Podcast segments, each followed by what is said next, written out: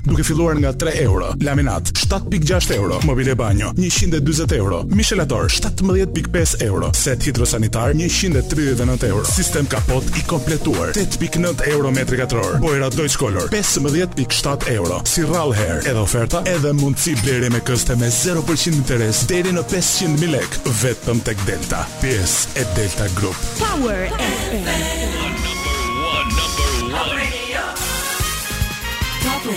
Flash në Top Albania Radio. Informacionet kryesore të ditës. Përshëndetje, po ndiqni lajmet e orës 16. Një krim i rëndë brenda mureve të një shtëpie u regjistrua sot në Elbasan, në lagjen Skënderbej, Ramiz Mici, 37 vjeçësh, autor i dyshuar i vrasjes së shtetases Zjetmira Elezi, po 37 vjeçe, me të cilën bashkëjetonte nënë e dy fëmijëve. Elezi u godit disa herë me thikë dhe ndërroi jetë në spital ku fatkeqësisht nuk mundi t'u mbijetojë plagëve të shumta. Uniformat blu janë vënë në ndjekje të autorit të dyshuar dhe po vijon krehja e zonës për kapjen e tij. Ndërkohë, nën drejtimin e prokurorisë, grupi hetimor po punon për zbardhjen dhe sqarimin e rrethanave të krimit të rëndë, me pasojë vdekjen e gruas, e cila ishte me urdhër mbrojtje. Paraprakisht dyshohet se shkak u bënë motive të xhelozisë. Rritja e infektimeve me Covid në vend ka shtuar numrin e pacientëve të shtruar në spital ku çdo 24 orë deri në 10 persona referohen për shtrim. Mjekët thonë se pjesa më e madhe nuk janë të vaksinuar. Sipas tyre ka shtim të rasteve, 30 të shtruar me Covid janë pacientë me sëmundje kronike, por të pavaksinuar shumica të grupmoshës. mbi 40 deri në 50 vjeç. Ndonëse raportohet se një pjesë e madhe e të infektuarve me koronavirus po e kalojnë në forma të lehta, pacientët që paraqiten në spital janë me prekje në mushkëri. Temperatura e lartë është një ndër shenjat kryesore të konstatuara prej mjekëve në këtë periudhë infektimesh. Asnjë prej të shtruarve momentalisht në spital nuk e ka kaluar më herët koronavirusin. Tetëmbëdhjetë vatra zjarri në vend në njëzet e katër orë, gjashtëmbëdhjetë prej tyre u shuan, dy mbeten aktive. Është fjala për ato në Ndërshenë të Mirditës dhe në fshatin Bogë të Malësisë së Madhe.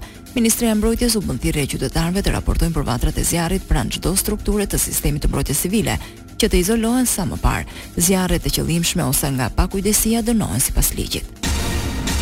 Ndërsa vendi ynë është mbërthyer nga temperatura të larta që sot variojnë nga 17 deri në 39 gradë Celsius, në të tjera pjesë të botës kapriçot e motit po mbjellin tragjedi. Në Iran raportohet se numri i të vdekurve është rritur në të paktën 56 brenda 48 orëve, nga stuhitë e forta, sipas Gjysmëhënës së Kuqe, janë edhe dhjetra të humbur. Në Shtetet e Bashkuara të Amerikës me viktima dhe shkatërrim nga përmbytjet po përballet edhe Kentucky, ku presidenti Joe Biden urdhëroi të shpallet gjendja e jashtëzakonshme, pasi të paktën 25 njerëz gjetën vdekjen, mes tyre edhe fëmijë. Kreu i Shtëpisë së Bardhë urdhëroi që të dërgohen ndihma në shtetin e goditur nga moti i keq. Lajmet në internet në adresën www.topalbaniaradio.com. Në vijim të masave për përballjen me pasojat e sulmit kibernetik deri në mesnatë, mund të hasni vështirësi në aksesimin e faqeve publike online. Agjencia Kombëtare e Shoqërisë së Informacionit po kryen një operacion mirëmbajtje të sistemeve dhe faqeve zyrtare të institucioneve publike. Ndërhyrja synon t'i shërbejë përmirësimit në dhënien e shërbimeve. Pas çeljes së bisedimeve me Bashkimin Evropian në një konferencë me ekipin negociator të drejtuar nga Majlinda Dhuka, kryeministri Rama kërkoi që vendi të fitojë respektin edhe në aspektin teknik. Rama pret angazhim maksimal që në Bruksel skuadra shqiptare të krijojë përshtypje absolutisht pozitive. Gjithashtu, kryeministri u shpreh se duhet t'i jepet jetë një këshilli ndërministror për çështjet evropiane.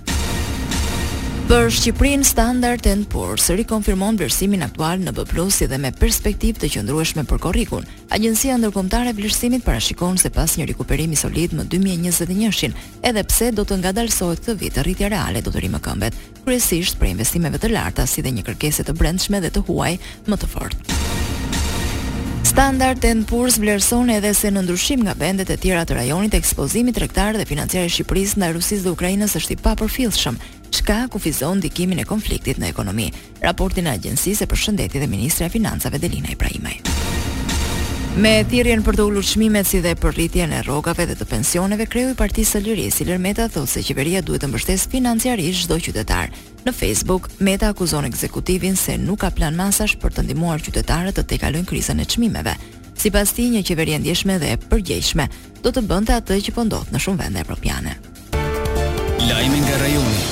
Përmes një video mesazhi në serbisht, kryeministri i Kosovës Albin Kurti u kërkon serbëve të zbatojnë dy vendimet që hyjnë në fuqi nga e hëna. Ato kanë të bëjnë me reciprocitetin e letërnjoftimeve dhe gjithashtu me regjistrimin e automjeteve me targa të Kosovës.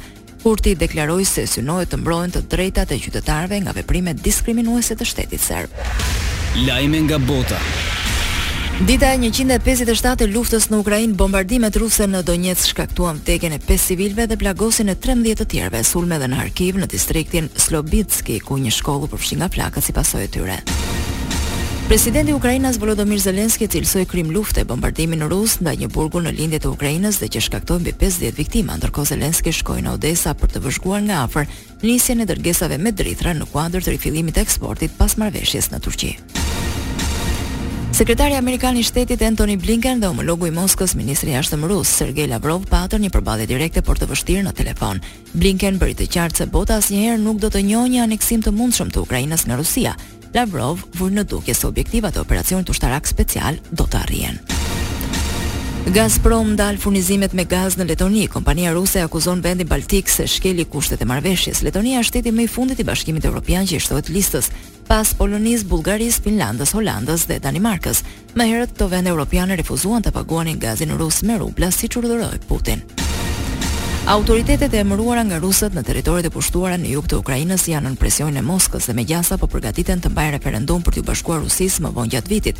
Kjo theksohet sot në njoftimin e Ministrisë Britanike të Mbrojtjes. Zyrtarët mund të zbulojnë detaje personale që të hartojnë regjistrat e zgjedhësve për votime. Ndoqët një përmbledhje të lajmeve kryesore të ditës. Unë jam Ani Bame. Kjo është Top Albania Radio.